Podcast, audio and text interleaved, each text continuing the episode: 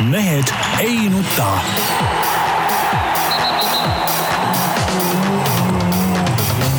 mehed ei nuta. selle eest, et mehed ei nutaks, kannab hoolt Unibet, mängijatelt mängijatele tere teisipäeva, Mehed ei nuta on eetris, nii nagu aastate eest Jaan kõlavalt lubas igal teisipäeval kell üksteist ja otse-eetris. Jaani ennast küll tõsi, siin kohapeal ei ole, kes meid otse pildis vaatab, siis näeb, et äh, tühi tool, tühi õhk on haigutanud selle koha peal, sest Jaanile ütleme tere hoopis äh, kohast, kust, ausalt ma ei teagi, kus sa täpselt oled. kas teel Suurbritanniasse või juba kohal? Äh, ikkagi, ikkagi teel ja ma, ma miskipärast arvan, et ma olen Kopenhaagenis Schipholi lennuväljal, ega seda täpselt ju ei tea ka ju tänapäeval, et, et lähed, lähed, registreerid ennast lennule, öeldakse värav number neli on ju, sealt jätkulend, ega pole asja ju vaadata eriti, kuhu sa sõidad, on see Stockholm või, või Amsterdam või mis iganes, aga ilmselt ma olen Amsterdamis ühesõnaga, et sissejuhatus oleks täielik, Jaan Martinson äh, Jõelähtmelt, äh, Delfist, Eesti Päevalehelt, igalt poolt ja nüüd ka Amsterdamist on siis meil telefoni teel liinil Peep Pahv, Eesti Päevaleht ja Delfi. tervist! Ja Tarmo Paju saab siis austavat ülesannet siin saate sissejuhatajana täna täita ainult Delfist. Äh, Jaan, oled, ma saan aru, et sa päris kindel ei ole, kus sa nüüd edasi suundud, jah? ei, nüüd ma lähen siit edasi Manchesteri, seda ma tean täpselt. ma tean lõpp-punkti, alguspunkti, vahepealseid punkte väga ei tea. no et äh, saladuskate kohe ära kergitada, siis Jaan on teel Suurbritanniasse Walesi rallile ja läheb sinna tavapärasest varem, et ikkagi nii-öelda vanema mehena siis aklimatiseeruda ikkagi piisavalt vara. see on, see on kogenud, see on kogenud ajakirjanik. küsimus ei ole muide mitte aklimatiseerumises, vaid äh, selles nii-öelda parempoolses äh, autosõidus, mida ma ei ole siiamaani harrastanud ja meil oli äh, kokkulepe, et Peep äh, läheb tavaliselt Suurbritannia rallidel, ta on käinud, tema on kogenud vend, aga, aga tema ei saa oma Kossu tiimi tõttu, Kossu mängude tõttu nagu minna ja, ja siis ma võtsin selle karmi ülesande enda peale, et, et täna siis ma võtan asja rahulikult, proovin sotti saada, kuidas need britid seal liiklevad ja siis vaatame, et äkki jõuan isegi kohale. ja ma hindan kõrgelt sinu suuremeelsust muidugi et sa selle käigu tegid minu heaks. no kui siin juttu. mis teha tegelikult. jah, Jaan. Äh, me teeme tegelikult seda ju lugeja heaks, et ühesõnaga ma panen ennast nagu nii-öelda äh, surma suhu panen praegu meie lugejate, nii online kui lehelugejate heaks niimoodi, et aga elu on selline. võimas, võimas mees oled, Jaan, kui nüüd jutt juba Peebu peale läks korra, siis peab vist ütlema, et äh, Eesti Korvpalliliidu kuulus masterplaan on ikkagi tööle asunud, sest et äh, nägime nädalavahetusel, kuidas alanud Eesti-Läti äh, korvpalliliigas noored mehed tõstsid pead, Märt Rosenthal kolmkümmend punkti, Leemet Loik kakskümmend seitse ja siis Rumeenias veel Keila korvpallikool läbis, äh, mis selle liiga ametlik nimi on, Eibli Euroopa, Euroopa noorte, noorte, noorte korvpalliliiga läbis kaotuseta, nii ja, et mast, masterplaan töötab. hea töö, Alar Varrak. Alar Varrak saab järjekordselt paar linnukest nagu kirja panna, et hästi tehtud nii on. noh, tundsid ikkagi, plaani vili. tundsin, et see noh, äh, teel sinna ma tundsin, kuidas see plaan on mul kohvris nagu kaasas. et äh, nüüd läheb kõik hästi ja noh, mängud näitasidki, noh ise ei pidanudki midagi tegema, plaan aitas, noh kõik sujus ideaalselt, noh. Perfektselt, ütleme nii. ehk siis äh, siit ka juhtnöör Peep sulle tulevikuks, et et kui tahad edaspidi ka võita, siis tasub ikka, mitte, mitte midagi teha, et see, miks sa varem ei ole võitnud, ongi see, et oled ise ära seganud lihtsalt. Lihtsalt masterplaan tuleb ja aitab. Ja ise ei pea midagi tegema. Aga kas poliitilisi teadaandeid? oi, on küll poliitilisi teadaandeid, Tarmo teab, et ma olen, olen nagu pöördes. Eile siis äh, Rumeeniast tagasi teel äh,. sattusin, olin Varssavi lennujaamas paar tundi niisama passimist ja lugesin igast uudiseid ja, ja, ja no, no kuradi kurat, lugesin äh, mingi haigekassa äh, juhi juttu sellest, kuidas äh, Lasnamäelt kaotatakse ära eriarstid et eriarsti juurde enam seal ei saa ja siis soovitati inimestele kõigepealt Tallinna muudesse arstiabikohtadesse minna, kus eriarstid on. või siis, kui järjekorrad on liiga pikad, minna kõrval naabermaakondadesse. no, no, no ma ei tea, see võttis täiesti sõnatuks, haigekassa juht ajab siukest mölaka juttu, tead. Et ma ei tea, kas tal nagu, kas tal hambad suust ära ei kukkunud või keel ära ei rebenenud siukse jutu peale või. noh, et, et kuidas saab soovitada eh, mingitel vanadel haigetel inimestel, üldjuhul käivad eriarsti juures vanad haiged inimesed, soovitada kõigepealt, et et sõitke Tallinna teisi otsa, okei okay,, no siin on tasuta ühistransport olemas, no see on veel võimalik. aga mingit naabermaakonna juttu hakata ajama, no see on häbematuse tipp, et, et ma loodan, et ma ei tea, kes seda haigekassa juhti seal paika panevad, kas see käib läbi valitsuse või, või on seal mingi nõukogu või mingid asjad. et see inimene sealt eh, koheselt maha võetakse, et no siukse häbematu jutu peale lihtsalt ei ole võimalik sellises ametis enam olla ja see on ja ma ei, ma kordan veel kord, see on mölakalik jutt ja täielik, see inimene ei ole nagu eh, seda ametit väärt igal juhul. no vahel on äh, Peebuga raske nõustuda, aga seekord ei ole raske. Jaan, oled ka elus või? nii, ma ja ei, ma olen, ma, ma just kuulsin, ma olen ka sinuga kahe, kahe käega sinu poolt, aga, aga, aga mida ma olen nüüd tähele pannud, eks, et on olnud mitmed artiklid, kus räägitakse peatselt algavatest valimistest ja, ja enamus artikleid ikkagi ütlevad, et kuulge, kallid riigiisad ja parteid, millega te tegelete? praegu käib täielik pornograafia, mitte keegi ei räägi sellest, kuidas Eesti inimesed hakkaksid paremini elama, vaid aetakse igast täielikku mingisugust jura ja, ja, ja ja otsitakse endal mingeid näitlejaid ja värke, muide Peep, sinu suured jüngrid on ju ka seal parasjagu süüdi. küll nad, mis, mis pagana vahet sellel on, kas homod abielluvad või mitte, kui meil on praegu haiglatega sellised probleemid. see on täitsa seitsmeteistkümnenda järguline jutt ju. ei, sellega ma olen nõus, muidugi, sellega ma olen nõus. sellega ma olen nõus, sest ma näen ise noh, mul on, mul on ikkagi suhteliselt, no mitte suhteliselt, vaid ikka päris vana ema, kes vajab ka tihti arsti abi ja, ja, ja olen pidanud ka nii-öelda selle haigekassa juhi eh, näpunäidete kohaselt teda siis ütleme naabermaakonda eh, arsti juurde viima, sest et eh, teadupärast eriarstile, kui tahad saada, mina muidugi sinisilmselt ka esimest korda hakkasin helistama, võtsin polikliiniku numbri, helistasin, oi, et siia saab helistada ainult arsti Eh, mingisuguse kuu, ma ei tea, kas esimesel või teise reede hommikul kell seitse kuni seitse null üks. no nii nagu, nagu, nagu, Tom Sawyeri raamatus põhimõtteliselt tuli minna õigel ajal ja. ikkagi selle kassi korjusega sinna. noh, see on, kui, kui siis ei saa, siis, siis ei saagi, eks ole, siis on proovige järgmine kuu uuesti, noh. no mis asja, no millest me üldse räägime, noh. et, et ma saan aru, valitsusel oli siin raha hirmsasti üle, eh, jaotati, ei no kusjuures muidugi veel asja point on veel see, et needsamad arstid ju ütleme siis pool tundi peale oma vastuvõttu on vabu aegu küll, et seal nagu eh, räige raha eest nagu vastu võtta neid eh, inimesi, eks ole.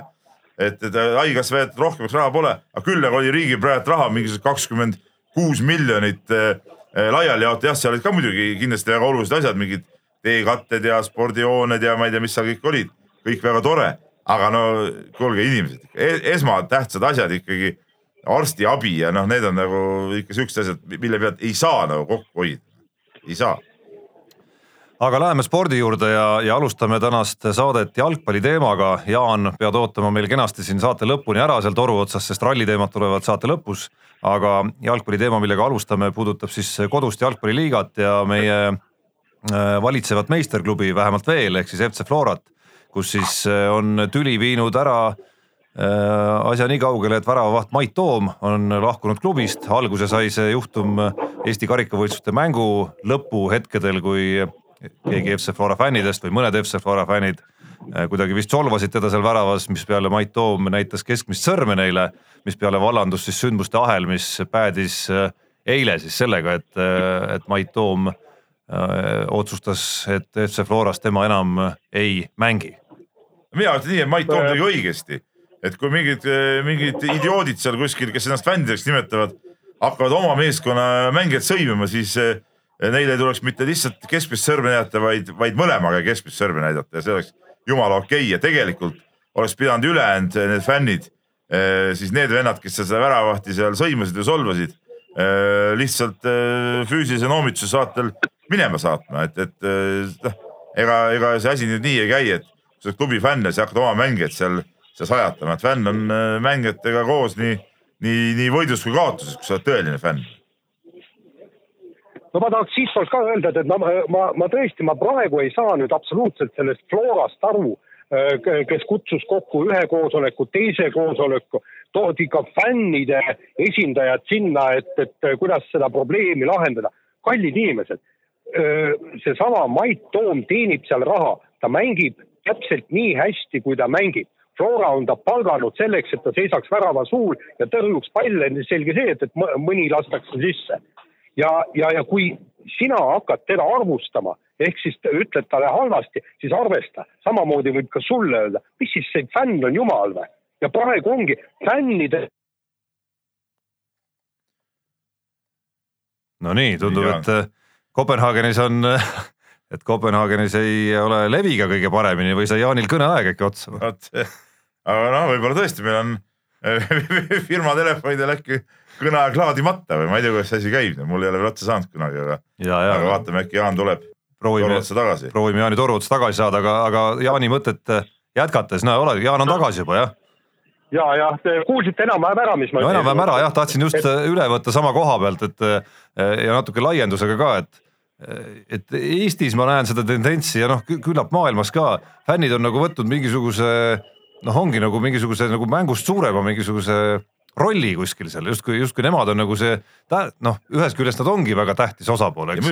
Et nende pärast ju mängitaksegi seda. Aga teisest küljest äh, tahavad nad kuidagi, seal on mingid indiviidid minu arust seal fännide seas, kes äh, kuidagi võtavad nagu ennast juba mingisuguse nagu osana otsustajate ringist või midagi nagu sellist, on ju, et see ei ole enam mingisugune suur fännide mass, vaid on mingisugused juhtfiguurid seal, kes noh, Tartus on olnud, eks ole, seal korvpallirindel omajagu kraaklemist fännide ja klubi vahel, eks ole, keda ei kutsutud kuskil mingile hooaja lõpuüritusele ja mingid solvumised ja, ja kõik sellised nagu asjad. See on nagu jabur tegelikult, täiesti jabur. et, et kui ma lugesin ka seda äh, Pelle Pohlaku kirjeldust siis kogu sellest kohtumiste jadast, mida peeti siis Mait Toomi olukorra kuidagimoodi nagu äh, sirgeks ajamisel, siis, siis ausalt öeldes, ma ei hakka seda kõike ette lugema, aga see on päris uskumatu jada ikkagi Jah., mis hulk koosolekuid peeti seal järjestikustel päevadel ja mis osapooled kõik seal kohal olid ja kuidas selle kõige käigus ikkagi ei suudetud kokkuleppele saada, ma usun, et kui oleks tehtud üks koosolek ja kus oleks kohal olnud äh, noh, a la Pelle Pohlak ja Mait Toom kahekesi, siis oleks asi ka lahendatud.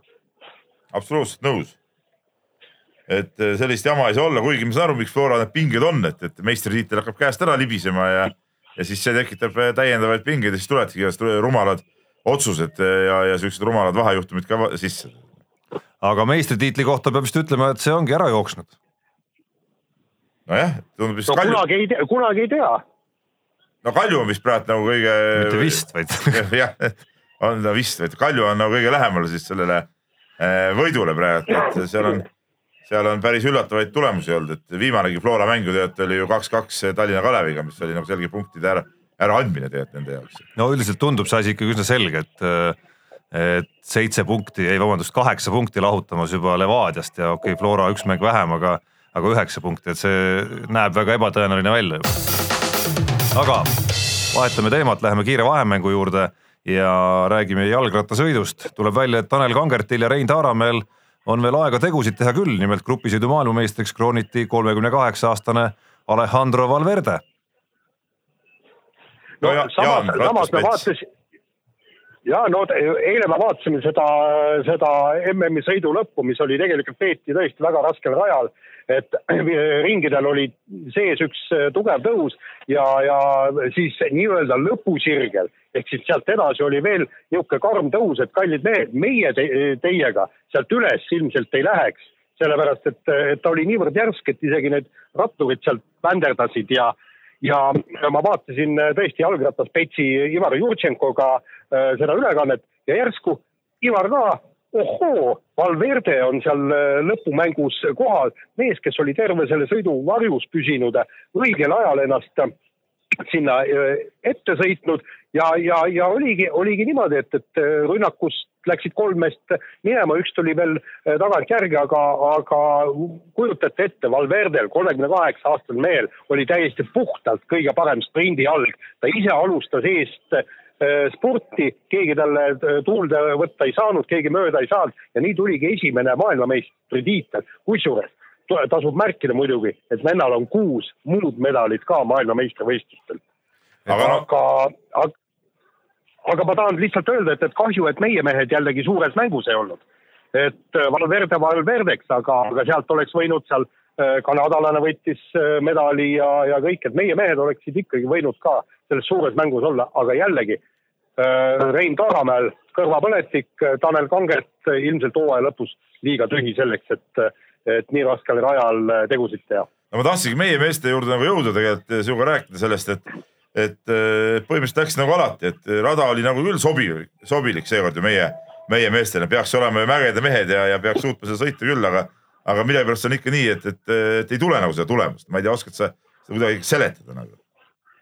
No ei oska seletada, sellepärast et kui me vaatame, meil on lätlased tulnud äh, maailmameistriks ja, ja, ja, ja kui sa vaatad, et kes aeg-ajalt neid medaleid seal nopib, siis need ei ole tõesti noh, nagu nii tippsõitjad, aga mehed on kuidagi üheks päevaks suutnud ennast heasse vormi, nad on vaimselt valmis pingutama ja, ja, ja, ja, ja saavad hakkama. mul on tunne, et, et kas meie mehed äkki ei tähtsusta, tähendab, nad tähtsustavad seda maailmameistritiitlit küll, aga nende jaoks on palju tähtsam see, et, et olla, olla klubis hea tegija, teenida endale korralikku sissetulekut ja, ja karjääri eh, nii-öelda vaikselt edasi arendada. see üks sähvatus ei ole nende jaoks elutähtis. no jaa, aga Jaan, vähemalt niisugune. aga olgem ausad, ega nüüd, nüüd seal klubi tasandil ju ka okei okay,, nad on jah tõesti tippklubides olnud ja tippsõite teinud, aga aga võtame ka Rein Taaramägi, no tal on palju tervisehädasid ja asju, aga see karjäär nüüd edenenud ju kuhugi tegelikult ei ole võrreldes, võrreldes sellega, millise ütleme noh, pauguga ta ikkagi tuli nagu tipprattasõitu, kui ta seal Tour de France'i seal neid noorte,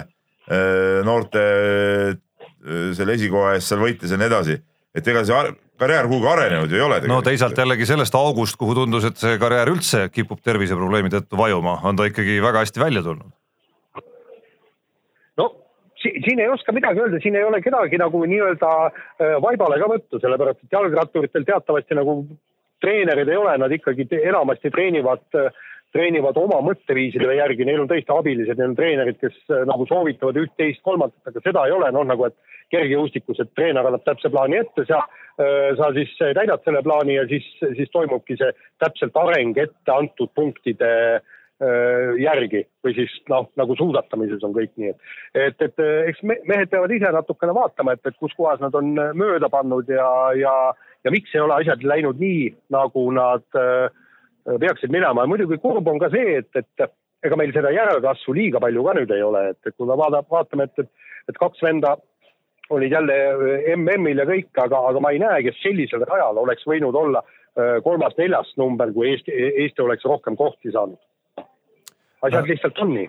Äh, rääkides arengust, siis äh, on paslik äh, viia jutt järgmise teema juurde, ehk siis Eesti jalgpallikoondise endine peatreener Tarmo Rüütla andis pika intervjuu meie enda lehele ja tõdes seal, et Eesti jalgpallikoondis tema arvates hetkel üritab mängida liiga keerulist jalgpalli, ehk siis sellist jalgpalli, mida saaks mängida siis, kui oleks natuke kõrgema klassiga mängijad aga vot see on ähm, huvitav äh, võib-olla lähenemine või, või tähelepanek tegelikult ja, ja ilmselt ka õige tähelepanek.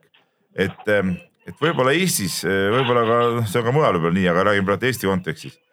pallimängualadel ütleme, et äh, kuidas ma ütlen, need nooremad treenerid, no Martin Reim ei ole nüüd mingi hirmus verinoor treener muidugi.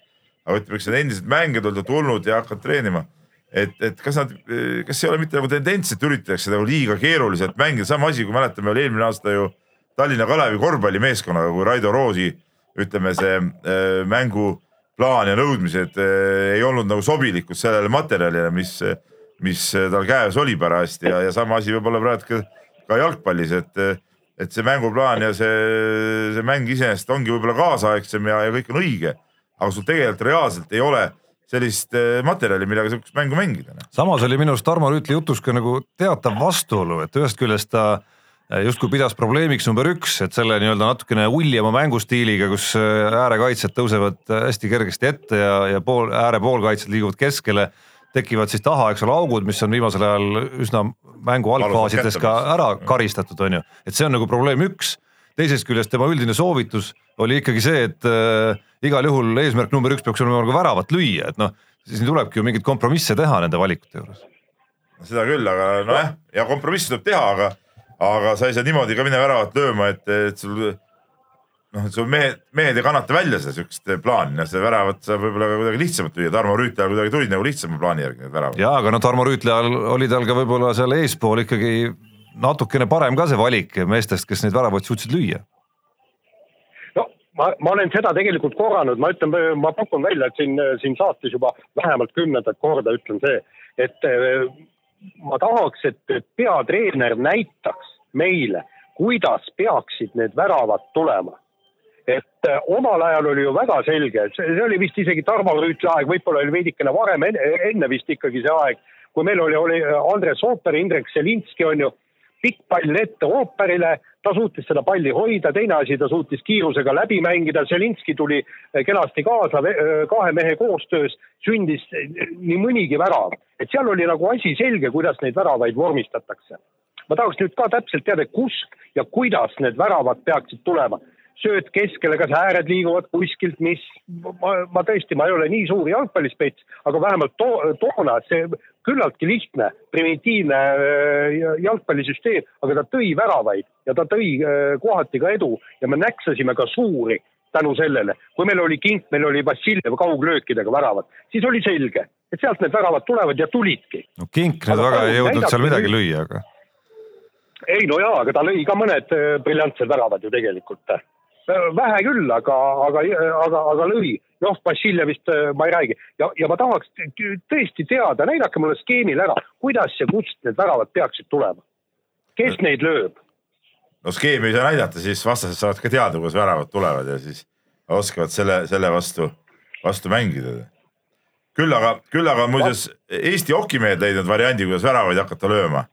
Äh, Jaan, oled sa kursis sellega või, et nüüd minnakse, äh, minnakse Rootsi Äh, otsitakse ähm, üles äh, mingisugused mehed, kellel on segastel asjaoludel Eesti pass, kuigi neil Eestiga peale selle mingit seost üldjuhul ei ole, et neil on keegi esivanem olnud eestlane ja hakatakse neid kutsuma Eesti jäähokikoondist, nii nagu teeb saalihokikoondis ja minu arust see on täiesti ebanormaalne lahendus. no täpsustame, esmalt ikkagi on käidud läbi ka mehed, kellel tundub Eestiga nagu vähe selgem seos, alustades Siim Liivikust näiteks. ei no Siim Liivik on teine. mis, mis on minu arust nagu väga äge, et, et, et, et hokiliit on selle asja nagu ette võtnud. ja Siim Liivik on teine asi, aga hakata mingeid mitte eesti keelt oskavaid äh, suvalisi rootslasi äh, tooma koondisse, noh, see on minu arust täielik jama.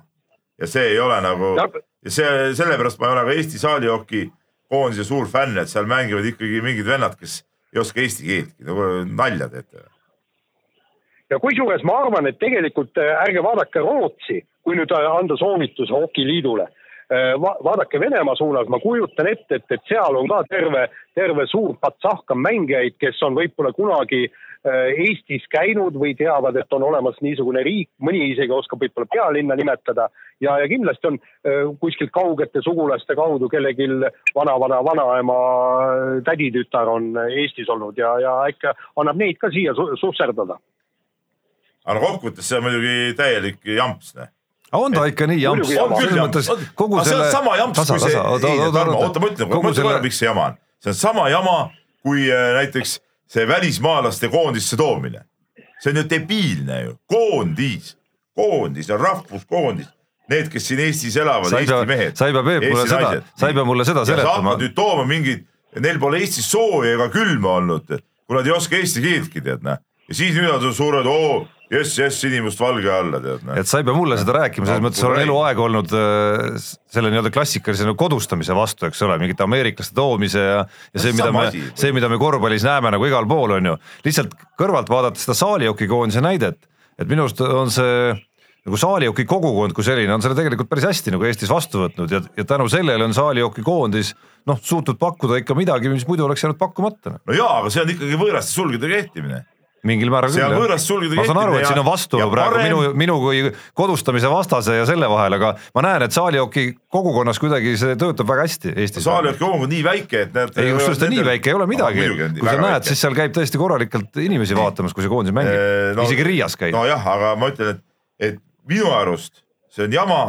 et parem siis olemegi natuke kehvemad küll, aga mis puudutab sama see Siim Liiviku teema, tema on ju Eestis sündinud, Eestis sinna läinud loomulikult tema, see on hoopis teine teema, see ei ole mingi, ma ei tea, kolmanda põlve eestlane, kes on Eesti, Eesti inimese järeltulija, kes on kuskil Rootsist tulnud ära.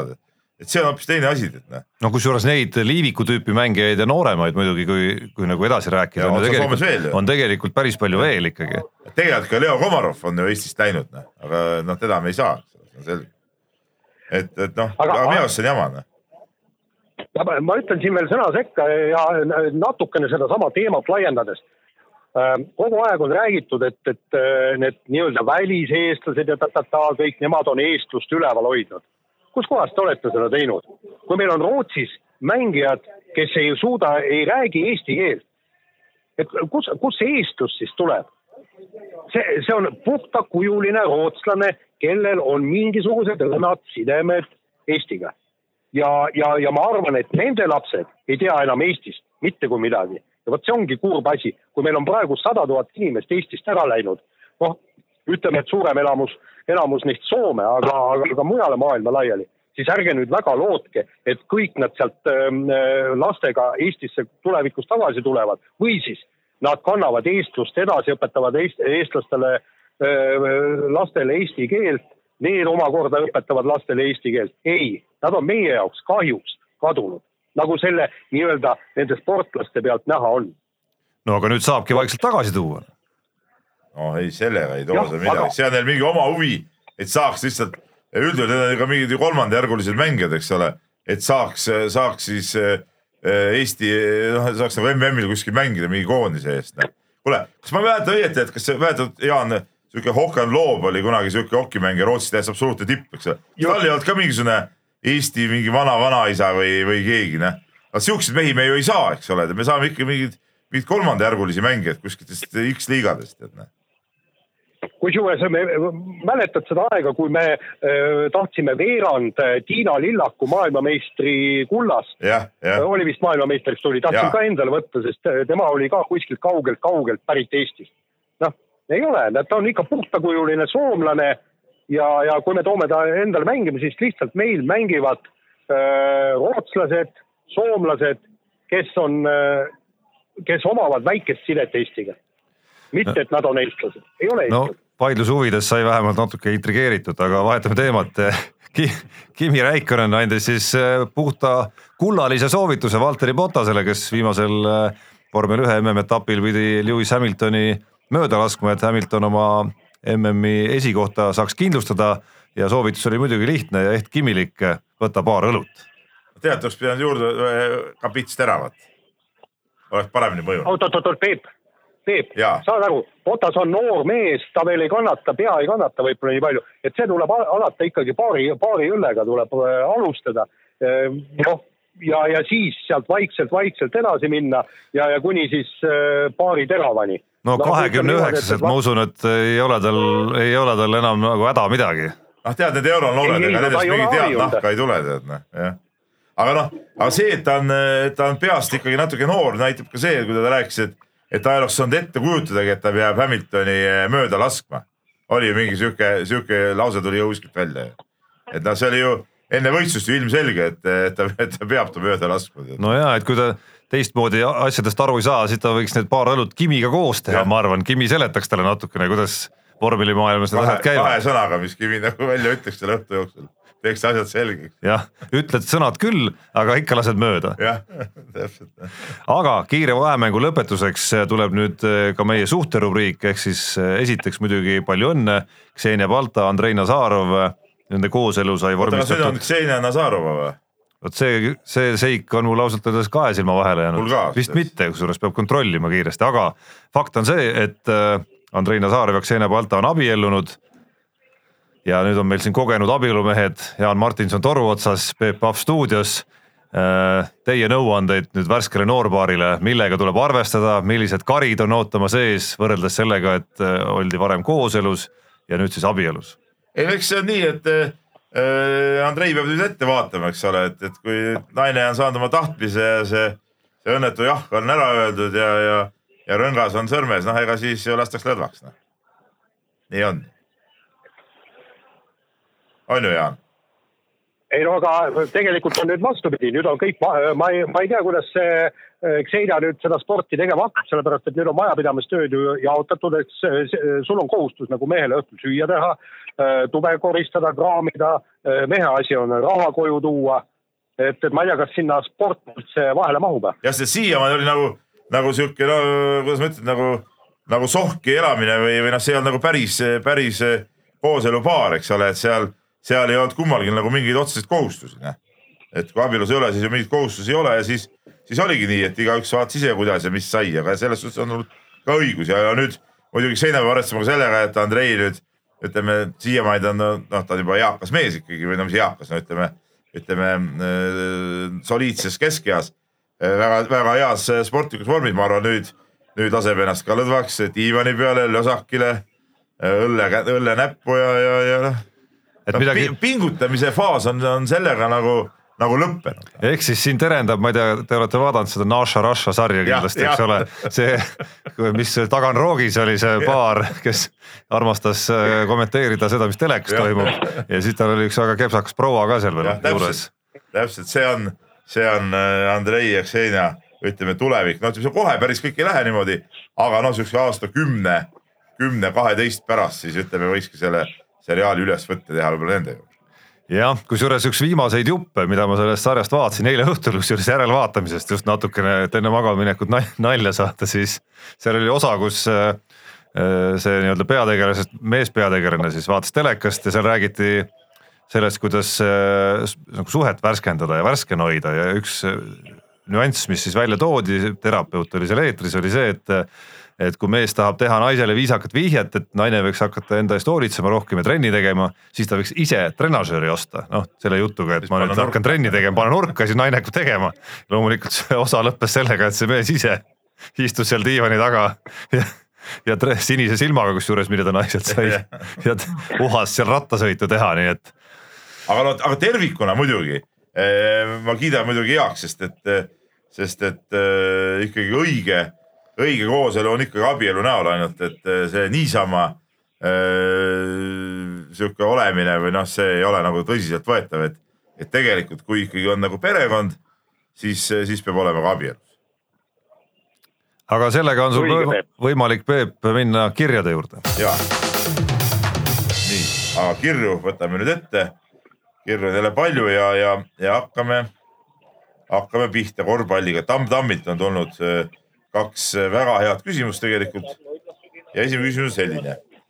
Tallinna Kalevi U kakskümmend korvpallimeeskond võitis septembris mingi Eibli etapi, no see mingi Eibli etapp, et see oligi Eibli etapp ja, ja see oli U kakskümmend etapp, samaväärne, mida Keila muuseas võitis äh, Rumeenias, aga noh, see on kaks erinevat tsooni. nii, aga nüüd see küsimus, mis on väga küsimus, kui meil on nii hea noortemeeskond, miks läheb Tallinna Kalev TLÜ kahel järjestikusel päeval Lätis toimuvale mängule välja ainult kaheksa mehega? et see on nagu selles suhtes, küsimus on igati õigustatud ja, ja tegelikult äh, on ju olemas, eks ole, esindusklubi on täiesti korralik äh, see Tallinna Kalevi korvpalliakadeemia, mis on ise oma olemuselt väga, väga okei asi ja, ja, ja kus töö käib ja, ja Aivo Erkman seal treener, seal on, seal on veel treenereid. väga hästi on kõik, aga omavahel ütleme, see esindusmeeskond ja see akadeemia nagu kokku ei puutu, no ma tegelikult, ma natuke tean neid tagamaid, ma ei, aga ei ole minu, ütleme nii, et mul ei ole õigust teid siin eetris nagu otseselt lahkama hakata, aga, aga ma ütlen, et see ei ole normaalne ja klubi peaks selle olukorra tegelikult lahendama. Nii, et, nii et keegi ei kannataks, et kõik, kõik eh, toimiks samamoodi edasi, inimesed teeks oma tööd, aga see, see ütleme, kuidas ma ütlen, see esindusmeeskonna ja akadeemia side peab olema olemas, et praegu on tekkinud tobe olukord, kus selles eh, akadeemia meeskonnas, kes mängib nagu esiliigat, mängivad mõned sellised mängijad, kes tegelikult oma, oma, kuidas ma ütlen, nagu tuleviku jaoks oleks kindlasti kasulikum mängida ka esindusmeeskonnas ehk siis Ei, no duubli ja, ja esindusmeeskonna vahel. ei no aga Et- reaalsetelt et- võimetelt, ja et me räägime ikkagi jah. ju ütleme U kakskümmend koondise nagu põhimängijatest tegelikult, potentsiaalsetest põhimängijatest isegi seal. Erki Kuhi näiteks, Ilja Starkevitš, üks paremaid võib-olla pikki noorte hulgas, kes nüüd tuli ka ju Itaaliast ta vist oli, tuli, tuli tagasi ja Erki ja Kuhi täpselt ja, ja seal on, et, et igal juhul see, see koostöö peaks nagu toimima sellises klubis. nii, aga korvpalliga Tamm-Tamm läheb siin edasi ja küsib, et kiitsite ühes saates Cramo komplekteeritust, Kalev Cramost käib siis jutt, kuid sellel hooajal äh, Stendi Musoku ja Gregor Arbeti asemel on Kristjan Kitsing ja Tanel Sokk. Eesti mängijaid on sama palju kui eelmisel hooajal. sellise arvu Eesti mängijatega tekkisid probleemid ja eelmine aasta pidi taotlema siis eriluba, eks ole, noh, see on siis jutt käib nagu VTV ühisliigast, kus on siis teatud piir, kui palju peab olema omi mängijaid ja siis küsimus, kas seda ohtu ei või tekkida ka järgmisel kevadel, kui on kolme liiga play-off'id? võib küll tekkida.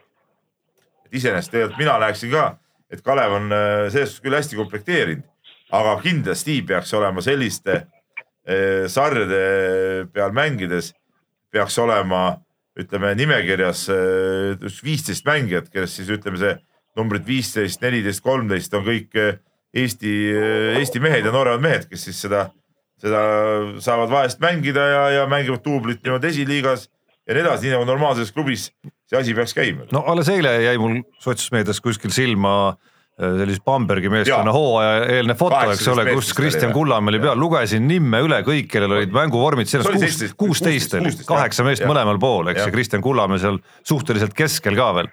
et äh, noh, täpselt selline see meeskonna hooajaeelne või hooaja keskne või hooaja järgne pilt peabki välja nägema. ja, ja siin juttu sellest, meil ei ole selle jaoks raha, on udujutt, sest et tegelikult eh, kui tegemist on oma mingi noorte järele, sa ei peagi nendele mingit palka maksma, nende palk ongi see, et nad saavad seal käia vahest trennis ja, ja saavad vahest mängida, et, et, et nendele koolipoistele kindlasti see ei ole nagu mingi raha küsimus. Jaan, sa ka veel midagi ütled või? kuule, ma ei ütle, ma vaatan siin praegu, äh, vaatasin lihtsalt, et kust äh, väravat mul läheb, et, et, et te rääkige, teil on huvitav jutt. sa oled lennuki peal juba, ei lähe veel ju? Ei, ei, ma, ei, mul on veel natukene aega, aga ma vaatasin, et miksipärast nii pidin interneti kaudu vaatama, et et Vaata, kus mul see värav on aga.... no vaata vanemad inimesed üldse, nad ju teevad kõike, nad lähevad rongijaama, lähevad tund aega enne ja, igaks juhuks, eks ole, no Jaan lennujaamas, no põhimõtteliselt ma ei imesta, kui see lend homme läheb tegelikult. kas sul on sul võileivad ka kaasas, et sa istud seal, et oleks midagi närida või? Ei, miks, siin on, siin on söögikohti küll ja veel, et oh,. see, see miljon, see miljon, mis sa siin võlgu oled mulle, sellest sa praegu võtad lihtsalt nagu manti ja, ja, ja, ja sööd seal head ja paremat ei, mitte seda, mulle makstakse normaalset päevaraha ja sellest piisab küll. no ma ei ole seda paberit veel allkirjastanud. Jaan, ma ei ole seda su päevaraha paberit veel allkirjastanud, nii et soovite kokku hoida nii, aga Aigar kirjutab meile ja, ja Aigar kiidab küll meie saadet, et see on number üks äh, spordist. aga ta kuulas äh, siis Kuku raadiost sellist saadet nagu spordireporter ka ja, ja seal oli jutt äh, õigemini intervjuu Taavi Libega ja oh üllatus-üllatust, Taavi Libe nimetas siis ähm, videomängusid tõsiseltvõetavaks spordialaks. et pannes selle samale pulgale näiteks laskmisega, võrdleb seda Kelly Sildaruga ja annab mõista, et miks mitte ka tulevikus, kui on kõvad tulemused, saavutused, seda nominendiks saada, siis ütleme, see e-sportlane võiks saada nominendiks aasta sportlaste valimisel. Äh, ja siis Aigo küsib, et ma ei tea, olen mina nupust nikastanud või on Libe seda, et mida mehed teie sellest arvate Taavi Libe on muidugi tore mees ta luppus rikastatud kindlasti ei ole, aga see tema arvamus muidugi eh, noh, see ei, ei, ei päde nagu. Selles kusjuures kirjutas ka, ma nüüd jään nime võlgu, oli see Mart Reial äkki Õhtulehes just mõni päev tagasi siin. see oli ka absurd ju. Eh, noh, selles mõttes eh, iseenesest tõi ju hea argumendi mängu, et siin heidetakse ette, eks ole, osadele arvutimängudele seda nagu vägivaldsuse osa on ju. aga noh, mis see vehklemine siis on? no kuule, vehklemises ju ei torgata kedagi läbi, nii et eh, veri lendab. no seal ka ei torgata kedagi reaalselt läbi. no jaa, aga ekraani peal torgatakse ju. aga reaalselt ei torgata. kuule, mis see, no see on noorte vendade no sihuke umbluu, no see on demagoogia kõrgtase täielik, noh. ma arvan, ma arvan. kes see räägib demagoogiast? ma arvan, et eh, no siin on Jaan, sinu käest on palju õppinud need noored mehed oma siukse, nagu see praegu see, mis Tarmo rääkis. Noh. ei no põhimõtteliselt mina ütleksin siin äh, seda, et miks me peame mängima virtuaalreaalsust, kui on võimalik mängida ka reaalselt.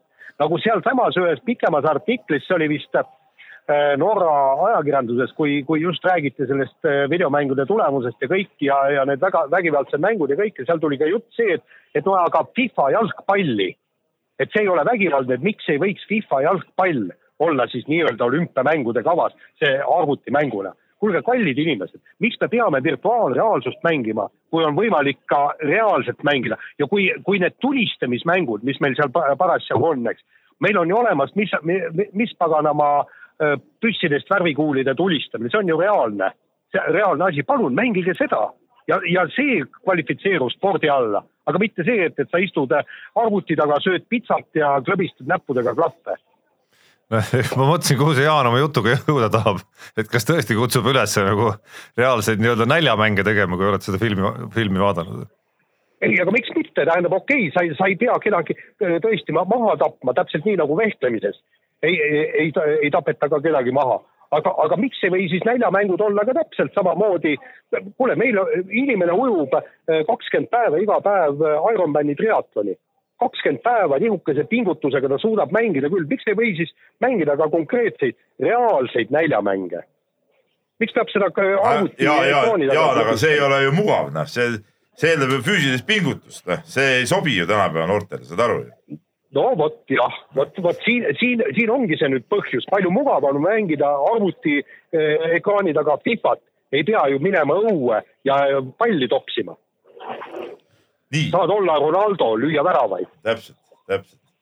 nii, aga võtame ühe Kalle kirja ka, Kalle on meil tubli kirjasaatja, iga, iga nädal tuleb talt huvitavaid kirju. Ja tead, ta esitab huvitava näite ja küsimuse, et siin teadupärast oli eelmine nädal siis Moskva Spartaki jäähokimeeskond postitas Instagrami ühe pildi, kus oli stringides ja palja ülakehaga naisterahvastasid, oli seal kõhuli, rindes midagi näha ei olnud.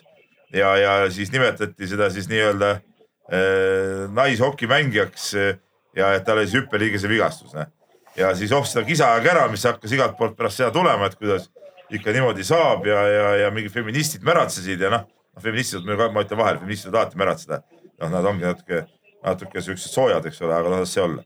nii, aga eh, loo puänt on siis see, et Moskva Spartak muidugi polegi naistevõistkonda ja, ja tegemist oli siis fitnessi maailmameistri Julia Ušakovaga, kes tegelikult siis töötab klubi pressiteenistuses ja noh, tast on palju siukseid vägevaid pilte ilmunud ja, ja see mingi, mingi eriti eriline pilt.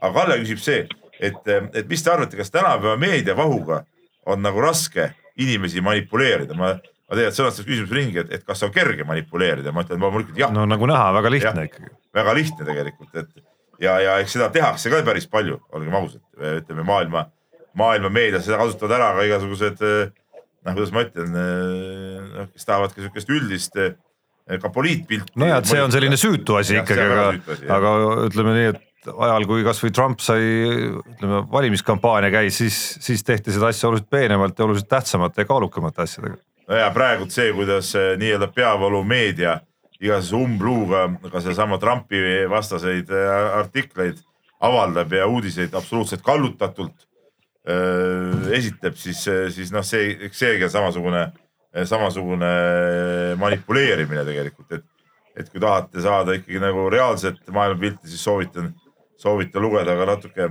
kuidas ma ütlen, alternatiivsemaid portaale. seal ju, seal on ainult faktid, eks, ole. ei, aga siis kahe peale kokku, siis nagu terve mõistusega suudad nagu, nagu selle ära filtreerida, sest et noh, olgem ausad, ega, ega päris palju on teemasid ja asju, mida ka meie peavoolumeedia tegelikult ei, ei kajasta ja just sellepärast, et, et manipuleerida inimestega. nii, aga nüüd on kirjade rubriik läbi, kell on nüüd on palju. meil tuli takus jälle nagu alati.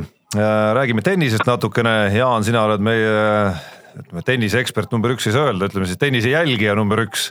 Anett Kontaveit mängis Hiinas, võib vist öelda oma elu parima turniiri isegi või? oota, ma, oota, ma ütlen, oota, oota Jaan, oota Jaan, enne kui sa hakkad sellest rääkima, ma ütlen nüüd oma Rumeenia kogemuse lihtsalt vahele. et ähm, olukorras, kus äh, meil Telia, kes on enda arust mingisugune äh, üks poolmonopoolne firma siin Eestis äh,, likvideerib äh, või likvideeriski juba esimesest oktoobrist ära Motor äh,, Motor tv, eks ei, ole. seda ei, kas seda teeb Telia või see, ei, Telia kas see ei olnud mitte üldisem või? okei okay,, vahet ei vahet ei ole ole, üldiselt kaovad ära, alles hiljuti võeti Teliast ära Eurosport kaks, lükati mingisuguse raske raha peale, eks ole, ja nii edasi ja nii edasi. et spordiinimesi nöögitakse eest ja tagant, siis olin Rumeenias eh, ja panin teleka käima ja seal oli vähemalt neli Rumeenia spordikanalit, pluss siis igast eurospordid ja jutud. ja loomulikult sain rahulikult vaadata seal öö, otsepildis Anett Kontaveidi eh, matše, sain vaadata otsepildis eh, vormelit ja, ja noh, söögi alla, söögi peale igasugust jalgpalli ja nii edasi. et, et, et vot see lihtsalt Anett Kontaveidi tuli meelde, et, et Rumeenias sai rahulikult otsepildis seda vaadata, Eestis minu arust mitte. no kahekümne kahe miljoni elanikuga riiki nüüd meiega võrrelda ja, ja seda, mida on võimalik seal turul Ei, teha okay., siis ka spordikanalite osas noh, no no ebaaus ma no arvan. aga võtame Soome. no on ka vahet siiski Eesti ja Soome vahel aga- nii elatustasemel kui Jaan, sa ka kui ka rahvaarvu poolest. palju on Soome spordikanaleid? Soomes või Jah.? no öö, ma, ma proovisin kokku lugeda, aga, aga, aga läksin omadega sassi, sellepärast et seal öö, väga paljudes kanalites näidatakse veel lisasporti ja seal on täiendavad spordikanalid äh, nii-öelda, kus, kus näidataksegi võib-olla kaks-kolm ülekannet päevas, võib-olla kümme ülekannet nädalas. aga mida nemad nüüd näevad? Nemad näevad näiteks ülikoolide korvpalli, sellepärast et nende mängijad on äh, läinud äh, Ameerika ülikoolidesse, nad näevad isegi Ameerika ülikoolide jalgpalli, noh, seda nii-öelda ovaalse palliga mängitud, sellepärast et nende mängijad läksid sinna ülikoolidesse ja, ja see on tegelikult täiesti hullumeelne, kui palju ja mida ja kõike nad saavad vaadata, see, see noh, see, see on sõnul seletamatu, et kui meie saaksime kasvõi veerand sellest, mida Soome näeb, me oleksime õnnejunnis, ausalt öelda aga no mu jutu mõte oli jah see, et, et ma sain Anett Kontaveiti Rumeenias rahulikult otsepildis vaadata. nii Jaan, aga kas Kontaveit tegi elu parima aga... turniiri? no ütleme nii ja naa, tegelikult oleks tahtnud seda finaali, äh, finaali võitu ka näha ja, ja, ja, ja iseenesest äh, ei olnud see võit nagu võimatu, aga, aga tõesti, vaata seal, seal nüüd tulebki, tulebki jälle välja see, et, et äh, Anett oleks pidanud mängima umbes üheksakümmend viis protsenti oma parimast, mida tegi vastane et äh, Arina äh, Sabalenko, eks, et ta on väga, väga jõuline, väga, väga hea noor tennisist ja nagu äh, Margus Suba äh, teataski, et ta on varsti-varsti kohe esikümnesse jõudmas. Et, et, et seal ei ole mingit kahtlust ja ma äh, leian, et, et äh, on täiesti õige. Anett Kontaveit peab ka jõuda esikümnesse. järelikult ta peab ikkagi üht-teist parandama, et ta suudaks nii öö, tihedaid ja raskeid matše ka hästi mängida. samas jällegi Äh, rääkisime, eks, et, et, et kui Kontaveit mängis äh, Prantsusmaal lahtistel esikümne tennist, siis ka siin turniiril ta kohati mängis esikümne tennist, aga nagu tema treener ütles, et ta, tema ülesanne ongi teha nii, et äh, Anett Kontaveidi parima ja Anett Kontaveidi kehvema vahe oleks võimalikult väike. Ja kui see, see vahe tõesti lähebki võimalikult minimaalseks, siis me räägime esikümnesse jõudmisest. Ehk siis, kui me stabiilselt suudaks rääkida enam-vähem sellistest tulemustest, nagu ta nüüd Wuhanis näitas, siis, siis, siis olekski see tõsiasi, ilma et ta peaks võib-olla noh, ma ei tea, Sabalenka suguse servi endale arendama juurde, kas nii või? ei no põhimõtteliselt on, on ka Sabalenkaga täiesti võima, võimalik mängida, aga sa ei tohi teha vigu, sa ei tohi äh, eksida tegelikult on minu meelest oli selle äh, finaali kõige, äh, finaalis sai otsustavaks see, et äh, Kontaveit ei suutnud ühte oma pallingu game'i esimeses setis korralikult mängida ja ta andis selle murde ära. Ja lõpuks sellest murdest Sabalenkale piisaski. Oleks ta seda servi game'i hoidnud, nagu ta hoidis kõik ülejäänud esimeses setis servi game'id, siis oleks asi läinud kiiresse lõppmängu ja vaata, seal juba on nii, et, et küllaltki otsustavad närvid ja kui ta oleks sealt ka puhtalt välja tulnud ja settidega üks-null ette läinud, siis oleks võinud juhtuda mida iganes. et selle ühe, äh, ühe oma servi game'i taha läks kogu mäng minu meelest. sest ega see Kontaveit nii kehv nüüd ka ei olnud ta kohati, kohati ikka mängis väga hästi Äh, vahetame teemat, äh, algasid Eesti korvpalli ja võrkpalli meistrivõistlused ühel ja samal nädalavahetusel ja peab vist äh, ühise nimetuse alla võtma vähemalt niivõrd ja nii palju, et, et kas noorte esiletõus on meil märksõna mõlemal tšempionadil? masterplaan töötab jälle. ja no võrkpallis muidugi, olgem ausad, on ta juba ammu töötanud. ammu töötanud, aga korvpallis nüüd ka no seda kindlasti no., et, et vähemalt korvpallis ka on, on noortel ikkagi sellel hooajal mitmes klubis eh, ilmselgelt kandvad ja olulised rollid võtta ja, ja, ja kanda ja teha, et, et nüüd on nende enda asi, palju nad suudavad seda ära kasutada, esimestes voorudes ikkagi teatud mängudes loomulikult keegi ei arva, et Märt Rosenthal hakkab läbi hooaja kolmkümmend punni viskama per mäng või, või Leemet Loik kakskümmend seitse, no see näitas Maria Jõhvi vastu kaks silma.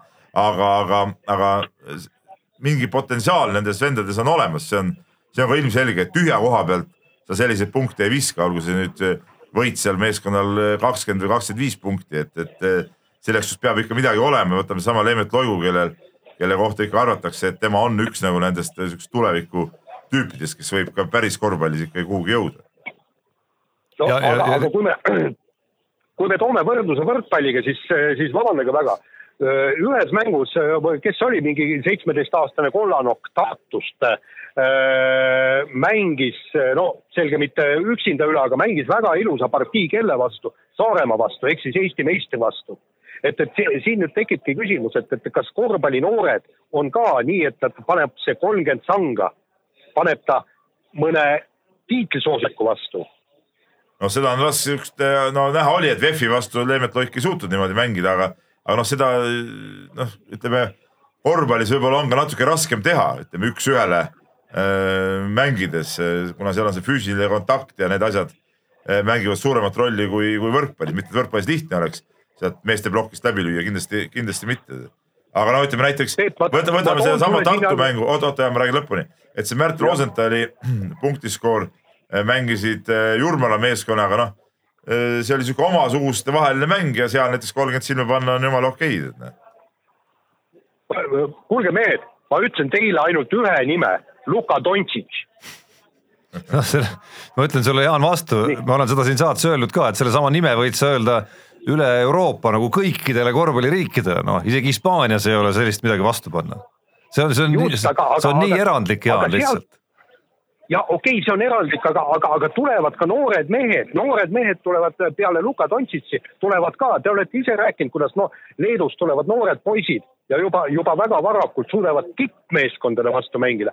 see, et, et meie korvpallinoored suudavad omasuguste vastu midagi näidata, see, see veel ei tähenda midagi, me räägime ikkagi maailma korvpallist. Jaan, Jaan, Jaan, Jaan, oota, Jaan, aga lähme nüüd ikka nagu samm-sammult edasi, et kui me mitmeid aastaid peale Rain Veidemanni pole olnud ühtegi reaalset noort, kes oleks kasvõi siin koduliigaski eh, meeste vahel noorena eh, esile tõusnud, siis, siis ütleme, see hooaeg ikkagi nagu mingid lootused võib-olla on nagu olemas ja, ja lähme nagu samm-sammult, me ei saa kohe loota, et et eh, meil ei olnud nagu mitte kedagi ja siis korraga meil on kõik Luka Dontšitsid, et sihukest asja lihtsalt ei juhtu ja noh, me no ütleme, ütleme Eesti-Läti, Eesti-Läti liiga näol ikkagi äh, ja nende mäng, konkreetsete mängude näol me ei räägi ka päris sellest, et siin keegi, ma ei tea, Audentese vastu või, või, või, või mingi esiliiga klubi vastu, eks ole, Ullas mingis väga pingevabas mängus, et et okei okay,, need olid, äh, olid nagu korralikud võidumängud, aga, aga mitte nüüd peajagu üle, et, et ma nimetaks ka seda ikkagi mingisuguseks arenguks, aga nagu noorte puhul alati äh, tasub ikka nagu üks mäng korraga võtta. aga nüüd lähme ralli juurde Jaan, oled valmis või? no mina olen valmis, alati valmis. alustame nagu siis, alustame siis kõigepealt rallimaailma uudistest, ehk siis äh, Sebastian Ogier üleminek Citroeni on saanud ametlikuks. Esa-Pekka Lappi sinnasamma siirdumise üle räägitakse ka peaaegu enam-vähem iga päev äh,. alustame Ogier'st, miks ja kas tegi õigesti? no ma siitkohalt ütlen, et, et tegelikult on väga kummalised asjad, vot kui me mäletame nagu eelmine aasta, kui Citroen kuulutas välja, et nende budžett ehk siis eelarve on, on ääretult kesine, on väiksem isegi kui M-spordil. Eh, siis nüüd järsku eh, suutsid nad hankida esiteks Sebastian Ogier ja, ja Soome meedia väitel on ralli ajaloo kõige kallim leping Ogier'l. Jaan, oota, aga ma küsin kohe vahele. ma olin eemal ja ma vaatasin ka neid uudiseid. aga ma ei näinud seda, kas kuskil oli kirjas, kas Ogier saab Red Bulli kaasa võtta sinna või? Äh, nii palju, kui ma sain aru, saab kaasa sellepärast, et äh, ühes artiklis öeldigi, et, et praegu pandi ikkagi äh, M-sport täiesti tõsiselt nii-öelda seina äärde, sellepärast et Red Bull kaob ära M-spordilt ja, ja mis tähendab seda, et, et väga olulised miljonid lähevad meeskonnalt kaduma mis... ja, ja, ja praegu praegu, nagu ma saan aru, käib uued peasponsori otsimine, kelle värvi siis autod värvida. miks ma seda küsin, ongi ju see, et teadupärast Osee oli Citrooniga mingil varasemal aastal minemas ja tookord oli just see vastuolu, et, et äh, Citrooni tiimi äh, peasponsor Red Bull ei sobinud kuidagi nagu kokku. sest seal on see Abu, ja, no, neil oli see Abu, Abu Dhabi, Abu Dhabi jah ja. et see ongi nagu huvitav, et, et mis, mis sest nüüd siis, kuidas see nagu välja kujuneb tegelikult. ma, ma arvan, et seal ikka Nii. kuidagi pannakse leivad ühte kappi noh just, ja teine küsimus on see, et nüüd nad tahavad ka Esa-Pekka Lapit endale, mis tähendab ka seda, et, et sellele poisile ei saa ka, ta on ikka MM-sarjas neljandal kohal, et talle ei saa ka penne maksta. ja potentsiaalne tulevane maailmameister ka, ma usuks. no just, ja, ja mis tähendab seda, et, et Citroenil ikkagi raha on, ilmselt siis emafirma pani ikkagi kõvasti-kõvasti rohkem õlgu alla, aga ühest küljest on see ka hea sellepärast et äh, Citroeni tulemused viimasel ajal on ikka väga magedad olnud ja, ja vahepeal oli ju hirm, et, et meeskond üldse lahkub MM-sarjast ja, ja siis äh, bossid ütlesid, et, et kaks aastat me oleme vähemalt äh, ralli MM-sarjas edasi, aga nüüd, kui nad võtavad ikkagi Esa-Pekka Lappi ja Ogier, siis ma loodan, et, et nad jätkavad ka äh,, jätkavad ka kauem aga kas teistpidi, kas teistpidi hirmu ei teki, et mis M-spordist saab jällegi nüüd? Sest tipptasemel no, sõitjaid ju justkui turule ei, ei jää enam ju. no M-sport on ju kogu aeg selles seisus olnud. Nad on, ta on kogu aeg selles seisus olnud ja niikaua, kui Malcolm Wilson seda ju, juhib, seda meeskonda, siis ma arvan, et, et ralli juurde ta ikkagi jääb. et see on, ütleme noh, kas on missioonitunnetus või, või see, et, et see ralli talle meeletult meeldib. kusjuures neil on ju olemas suur tehas, nad on nüüd Poolasse tehase rajanud et, et ma ei usu, et, et, et, et nad noh, nagu nii-öelda pankrotti läheksid ja, ja et tehastel uksed kinni paneks. Nende sõitjate valiku teema on muidugi huvitav praegu, et kes siis ütleme, Ožeeri asendama läheb sinna. et huvitav on see, et, et tegelikult äh, Hyundai ju ilmselt võtab ikkagi need äh, samad neli meest uuesti endale, et miks, miks äh, näiteks Sordo või või Padon ei oleks võinud M-sporti minna, minu arust Padon andis Sidevi Lillede juba mõista, et ta jääb, jääb Hyundai'sse ja, ja ma kuskilt lugesin, et, et on plaan ikkagi niimoodi, et Sordo ja Padon jälle poolitavad seda hooaega. et, et ütleme sealt, mina näeks küll, Sordo võiks olla üks mees, kes M-sporti läheks ja oleks sihuke kindel mees seal, kes suudaks teha ikkagi suhteliselt no. normaalset tulemust, et noh praegu on, tänase seisuga on olukord ikkagi selles mõttes absurdne, et Teemu Sulinen on äh, M-spordi ehk siis Fordi esisõitja. no, no, no ta, ta ei ole see mees, kes, kes väga-väga tihti poodiumile tuleks ja, ja nad peaksid ikkagi ühe väga tugeva sõitja ikkagi kindlasti juurde saama.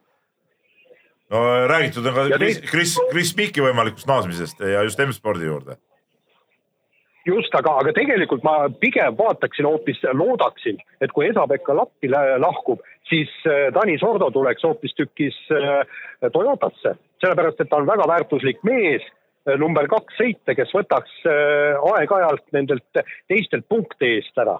ja see ongi. mitte aeg-ajalt, ta võtaks väga stabiilselt, seda ka see hooaeg näidanud, ta on olnud ju kogu aeg ütleme esikolmiku piiril, kõik need rallid, mis ta on sõitnud, on ta ju olnud esikolmiku piiril oma tulemuste poolest. just ja ja, ja, ja, ja põhjus, mikspärast ju Esa-Pekka Lappi Citroeni viiaksegi, on, ongi see, et, et Citroenil on vaja tugevat sõitjat. et kui Ogier on esimene, siis äh, Esa-Pekka Lappi teine, kolmas, neljas võtaks nendelt teistelt suurtelt punkte ära. et praegu neil see, sellist meest ei ole, kui, kui siis peab Ogier lihtsalt puhtalt oma jõududega hakkama saama, aga nüüd tal oleks väga hea abiline aga nüüd kiirelt veel saate lõppu, põhjus, miks Jaan on hetkel distantsilt meie juures, on ju see, et õige pea jõuab ta Suurbritanniasse ja, ja hakkab Delfi ja Eesti Päevalehe vahendusel jagama kõige vägevamalt muljeid ja, ja kommentaare Walesi rallilt, kus küsimus number üks ilmselgelt on, kas Ott Tänak võitlusest Riinu Villiga ja loomulikult ka tagapool siis Sebastian Ogier'ga võtab veel punkte tagasi Neuvillilt või suisa läheb mööda no, see, see, see on nii imeline me... seeria olnud praegu, mis on selja taga nüüd Ott Tänakul, et äh, ühest küljest justkui loogika ütleb, vabandust, et see ei saa nagu kesta igavesti, aga, aga teisalt, miks mitte? no teisalt, miks mitte, aga, aga, aga seal on nüüd kaks punkti. Äh, Ott Tänak oma videoblogis, äh, oli vist tema, kes, kes või, või, või lugesime selle kuskilt mujalt, eks, et eelmine aasta ikkagi see Toyotale väga ei sobinud see äh, Walesi ralli et, et, et nüüd olevat asjad korda saanud, küll aga ma kuulsin, et Ott Tänaku testipäeval oli see ilm olnud ääretult märg ja isegi see testipäev ei kestnud lõpuni. seal ei olnud midagi kuulda, kõik, kõik võisid videodest näha seda, niisugune padukas seal sadas. just, aga, aga nad ei saanudki teste lõpuni viia, sellepärast et, et teed muutusid sedavõrd läbi, läbitamatuks, kas nad said oma seadistuse paika, punkt üks. ja punkt kaks on, milline see ilm nüüd on. väidetavalt pidi olema kuiv mis tähendab seda, et nad ei ole siis nendes õigetes tingimustes testida saanud. et eh, noh, siin on kogu lootus sellele, et, et Ott Tänak teab, kuidas oma autot seadistada. kui on märg ilm, eh, täpselt nii nagu testide ajal, siis on asi lihtsam, siis, siis nad teavad täpselt, mida teha. aga kui on kuiv, kas, kas sealt ei või eh, kahjuks noh, nii-öelda midagi ära anda Toyota meeskond sellega üks huvitav küsimus on see ka, mäletad vist eelmine aasta võitis Walesis ju, ju äh, M-spordi sõitja, nüüd on mul kiilus kinni muidugi praegu, Elfin Evans.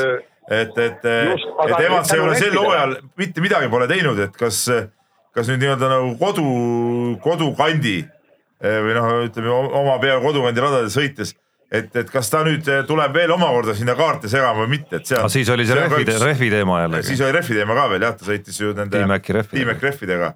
aga, aga see on üks võtmeküsimusi ka, et, et palju tema neid kaarte seekord segab seal. no ma, ma ei usu eh, Evansisse see aasta, sellepärast et nüüd sõidavad kõik täpselt samasuguste rehvidega, temal eelis puudub ja aga ma ütlen, et, et minu suurim küsimus on see, et, et mida teeb eh, Thierry Neuville. Et eh, kuidas tema närvid vastu peavad ja nüüd on, nüüd on tal tegelikult näitamise koht, enam ta ei tohi. nüüd on tema juba see, kes peab nii-öelda ründ, ründama ja, ja, ja ta ei saa kindlasti Ott Tänakule ega ka Ožeele punkte ära anda. ma veel kord, vot sa ikka alati räägid Neuvillist kogu aeg mina jälle ütlen ikkagi, et jälgi ikka Ožeed ka, et no. Ožee on ikkagi see mees kes on ikka, äh, mina usun nagu temasse nagu rohkem kui Neuvilli tegelikult. no ma veel ütleks siia lõppu, et me räägime siin või te räägite siin kogu aeg või Jaan õigemini räägib eriti siin kogu aeg sellest, kuidas Terrine Villi närvid ja nii edasi. nüüd hakkavad ka need rallid, kus hakkab selguma nagu nii-öelda, millest Ott Tänak ka selles olukorras tehtud on, sest nüüd läheb tiitli peale sõiduks. jah, see, see on väga oluline. sellega ma olen nõus. aga sellega, jah tahad öelda veel, Jaan, midagi? ja ma tahtsingi öelda, et mina marsin nüüd lennuki peale ja teie lõpetage seal saade. ja teeme nii, aitäh sulle, Jaan, aitäh meid äh, vaatamast ja kuulamast ka, kõik meie fännid. ehk siis kohtume taas äh, nädala pärast, loodetavasti on Jaan kenasti taga, tagasi samasuguste saldodega Walesist, nagu viimasel ajal rallidelt on Peebul ette näidata. ei usu ta ei ole nii kõva aga võib-olla masterplaan aitab aga ka seal. masterplaan aitab ka seal, ma usun küll nii, kohtumiseni, tehke sporti ja olge muidu ilusad. mehed ei nuta.